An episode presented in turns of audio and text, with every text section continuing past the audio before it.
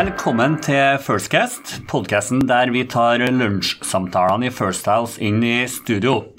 Eh, I dag så er det litt over to uker til valgdagen, eh, og vi sitter her fire kollegaer som er politiske nerder og skal prøve å oppsummere litt hvordan situasjonen er i eh, valgkampen sånn som det står nå. Jeg har med Anne Solsvik, jeg har med meg Erlend Fuglum og jeg har med Tor Mikkel Wara.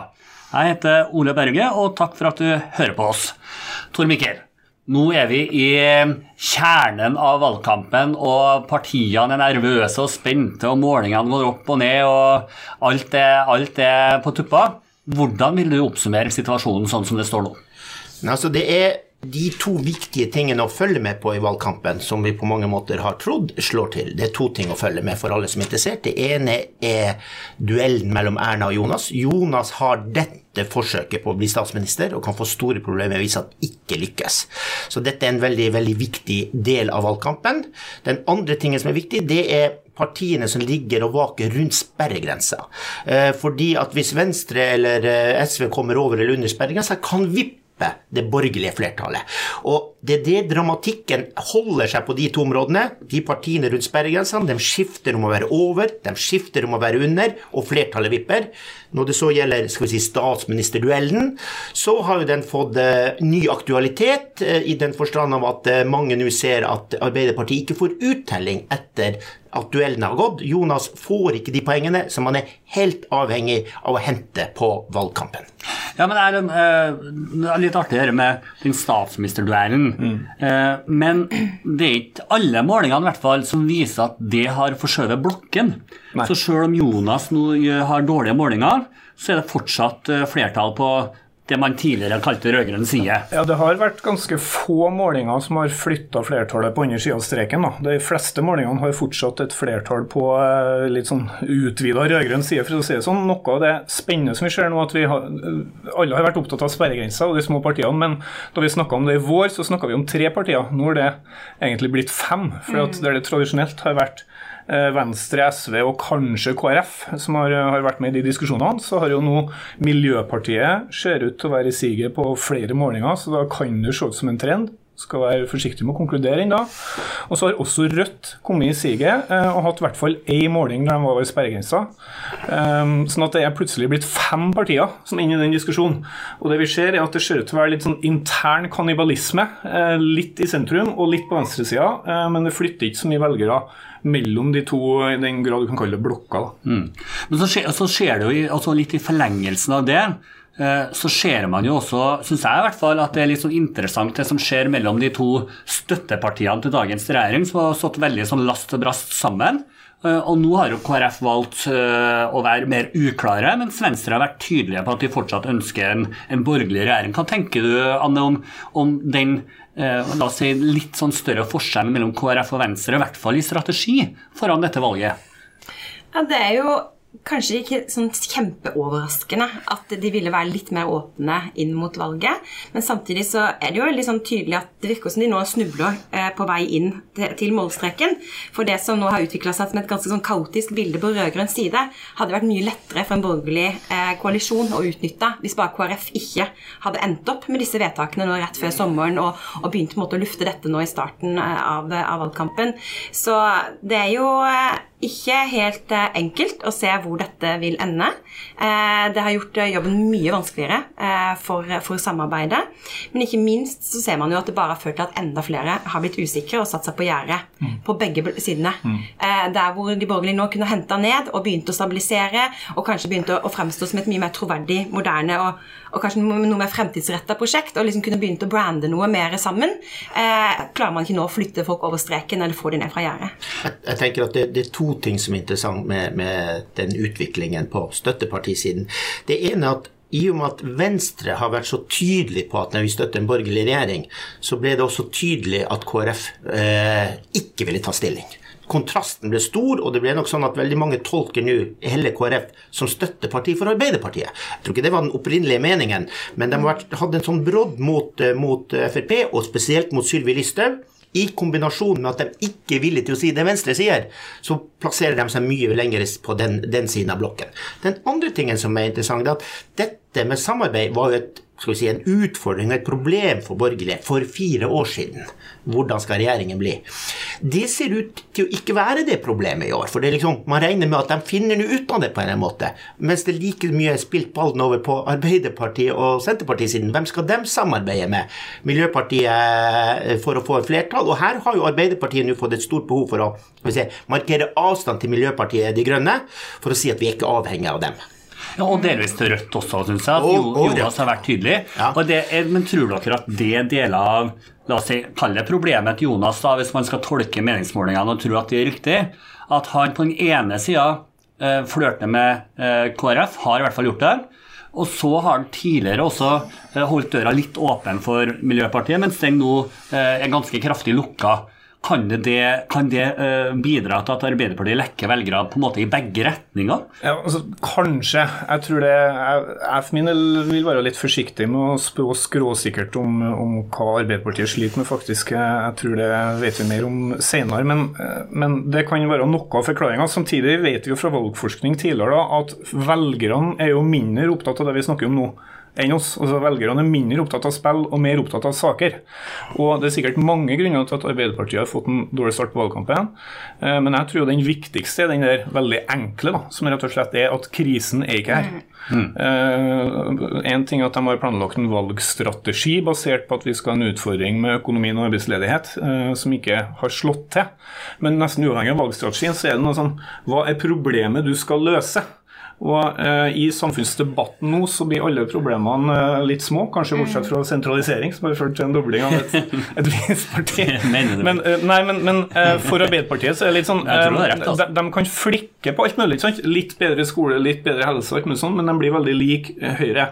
Og Der blir jo det mer utfordrende for dem når Høyre har lagt seg inn mot sentrum. For at Høyre hjelper jo ikke Arbeiderpartiet til å tegne opp et tydelig skille mellom dem når, når Høyre har lagt bort de spisseste Høyre-argumentene. Ja. Men Tor Mikkel, er du, altså, er du enig enig. for at eh, altså, Den første store partilederdebatten, eh, over 700 000 seere på NRK, da kåra de fleste kommentatorer Jonas til vinner.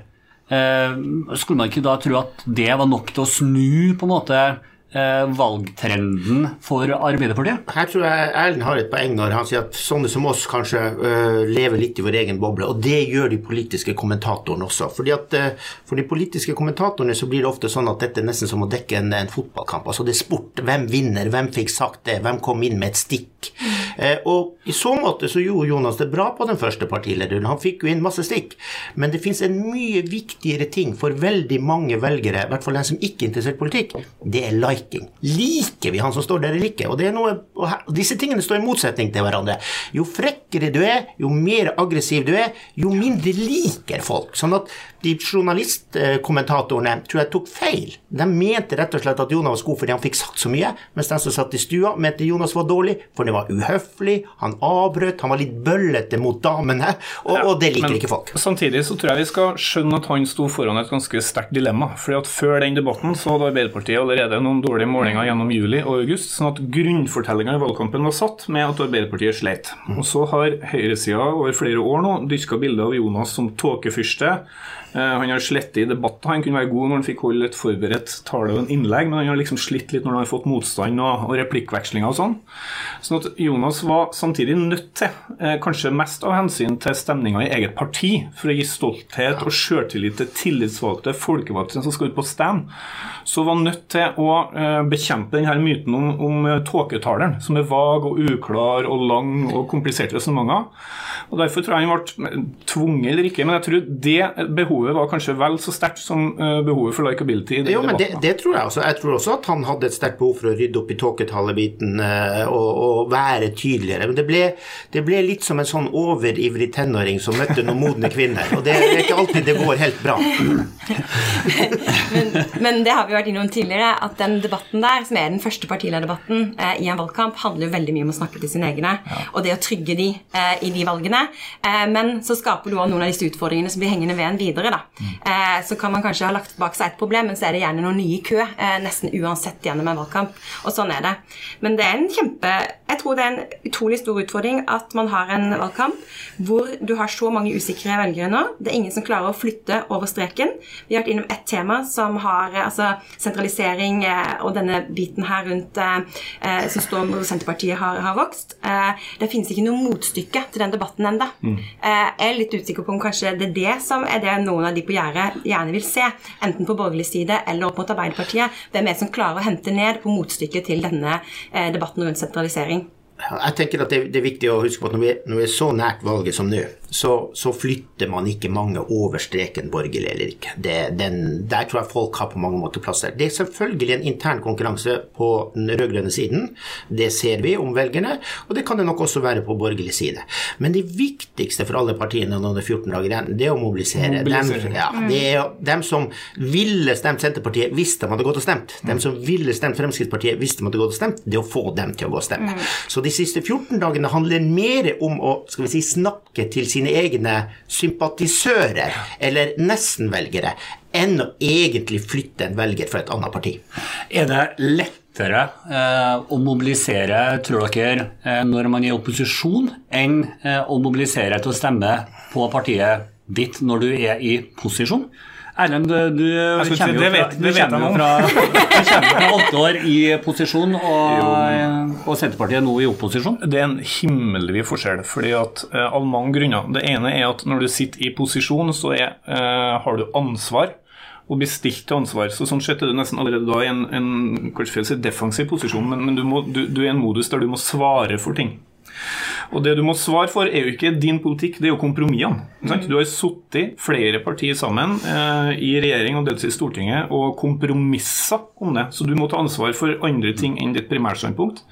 Det er jo krevende nok for profesjonelle politikere eh, som er trena i retorikk og argumentasjon og har sittet og forhandla. Men det er ikke lett for et jevnt medlem som noen gang skal ut på stand eller banke på døra, eller til og med for en del eh, mer eller mindre godt trena førstekandidater som de har ute i fylkene. Det er jo ikke alle dem som er ekstremt erfarne heller, men som skal ut der, være fremst, delta i debatter, har tenkt seg på Stortinget og svare for disse kompromissene. Det er jo, det, det jo utfordringa for den som sitter og styrer. Og så har du motsatsen. da. For den som er i opposisjon, så trenger du ikke å svare for noen ting. Du blir jo ikke noen konfrontert med hva du konkret har foreslått i Stortinget. Journalistene setter seg ikke inn i eh, de konkrete forslagene fra opposisjonspartiene. Det er ingen som ser på hva du hadde i ditt alternative budsjett når du sitter i opposisjon. Så du kan jo hevde alt mulig ting og komme med de villeste utspill og ta i retorisk. og Du, du, du, trenger stort sett aldri å eh, svare for noe sånt. Du er i konstant angrepsposisjon. Så det er, det er en himmelvid forskjell på de to modusene. Altså Mobilisering handler veldig mye om, om velgerne opplever at noe står på spill. Mm. Det gjelder begge deler. Altså, vi, er det behov for å endre det som skjer nå? F.eks. hvis du tenker at det blir for mye distriktsreformer eller sentraliseringsreformer, og at derfor er det viktig å mobilisere. Eller fordi du skal mobilisere fordi at er en, du er redd trusselen om masseinnvandring. Men, men det er jo liksom noe, er det noe som står på spill, og det her blir en utfordring for den sittende regjeringen. Fordi at de som støtter den sittende, de opplever jo ikke at det er så mye som står på spill. De syns jo det er ok, det er, ok, det er, bra. Så de må vekke de følelsene. Men det er også en utfordring som for så vidt jeg var innom, for Arbeiderpartiet. Fordi de la en valgkampstrategi som gikk ut på at noe sto på spill, nemlig arbeidsledighet og nedtur. Og så opplever ikke folk det sånn, fordi at alle tallene ble bedre enn man kunne forutse bare for et år siden. Samtidig, altså, jeg syns jo det er artig å se litt på dette bildet som tegnes av valgkampen i media. For nå springer jo alle i flokk og er opptatt av Aps krise, og vi har snakka om det her nå. sant? Vi blir jo prega av det og snakker om at Jonas sliter og Ap sliter på målingene og sånn. Men hvis du ser i det store bildet, så er det jo eh, et interessant trekk at eh, dagens to regjeringspartier på snittet av målingene har jo gått tilbake fra valget i 2013. sant? I sum så er regjeringa svekka. Ja. Uh, og Arbeiderpartiet og Senterpartiet sammen har gått svakt fram. Da. Arbeiderpartiet gjør det dårlig, men Senterpartiets dobling mer enn kompenserer for Arbeiderpartiets tilbakegang. Mm. Og som vi om at det er jo uh, På de fleste målingene så har det uh, fortsatt vært flertall for rød-grønt. Så er det en svære utfordringer for Jonas for hvem skal han regjere med, og hvem må han samarbeide med, inngå budsjetter med og sånn. Men jeg bare synes det er artig å se hvordan den medielogikken handler kun om en krise rundt Arbeiderpartiet. Eh, mens bildet egentlig, altså sannsynligheten for skifte, i tallene ligger jo fortsatt ganske stabilt. Men hvis man ser, jeg tror, jeg tror at litt av årsaken til, til at media syns det er interessant nå, er jo at det er jo ikke mer enn fem-seks måneder siden at det var enkelte målinger hvor Senterpartiet og Arbeiderpartiet rent flertall alene. Men nå så er det målinger hvor Arbeiderpartiet må forholde seg til Rødt og Miljøpartiet og SV og Senterpartiet og kanskje til og med KrF på enkelte målinger. Så det er jo, det er jo den dynamikken som har totalt endra seg rundt det, som er interessant for media. Hvor interessant det er for velgerne, det får vi jo se 11.9. Det får vi se. og Derfor er det sånn at det er, derfor er det fortsatt Vi er tilbake til utgangspunktet. Det, det er interessant å se på sperregrensepartiene. Også fordi at det er en del strategivalg som er tatt, bl.a. med Venstres strategivalg, som blir veldig spennende å se om de får uttelling for den, eller om det for så vidt kom tidsnok til å kunne klare seg helt i mål. Det som blir interessant, er jo også, også å tenke på hvor få stemmer som faktisk kan avgjøre hvem som blir statsminister. Hvis Miljøpartiet får 3,9 og, og Venstre over 4 eh, kontra det motsatte, så kan jo det avgjøre duellen. Hva tenker du om det, Anne? Har du, hvordan er stemninga i, på borgerlig side sett fra ditt eh, ståsted? Nei, jeg tror det er eh, krevende at KrF er så utydelig. For jeg tror det kommer til å smitte langt mer over på Venstre eh, enn det som har vært eh, tenkt og ønskelig i utgangspunktet. Eh, det kom til å slite mer på det samarbeidet inn mot eh, i innspurten nå enn man kanskje hadde forventa. Og det til tross for at Venstre har vært eh, tydeligere, og til tross for at det er på en måte en, en mellomhavn for, for noen. Men det blir en, blir en utfordring med det, den ansvarligheten man tar på seg samtidig. For det er nok litt det som vi var inne med her tidligere, at det er mer krevende når det er en form for enten et samarbeid eller en ansvarlig samarbeid da, eh, å drive valgkamp. Men det er jo nok mer krevende for småpartier enn store mm. partier. ikke sant? Uansett store partier. Man hører nå Arbeiderpartiet skulle gjerne sett at eh, det har tryggere vært liksom i førersetet. Det har vært mye enklere å håndtere situasjonen. Eh, de syns det er vanskelig å være opposisjonsparti og er ikke like, like trent i, i, i, de dynamikkene.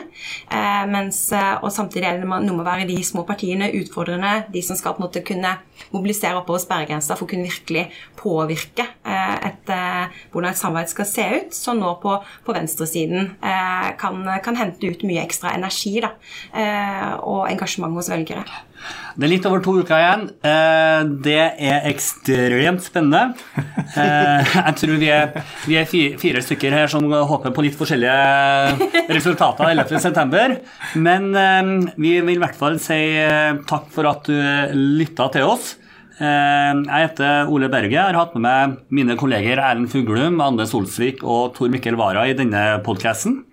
Vi håper at du ønsker å høre mer. Da kan du abonnere på podkasten vår eh, i iTunes eller på Android.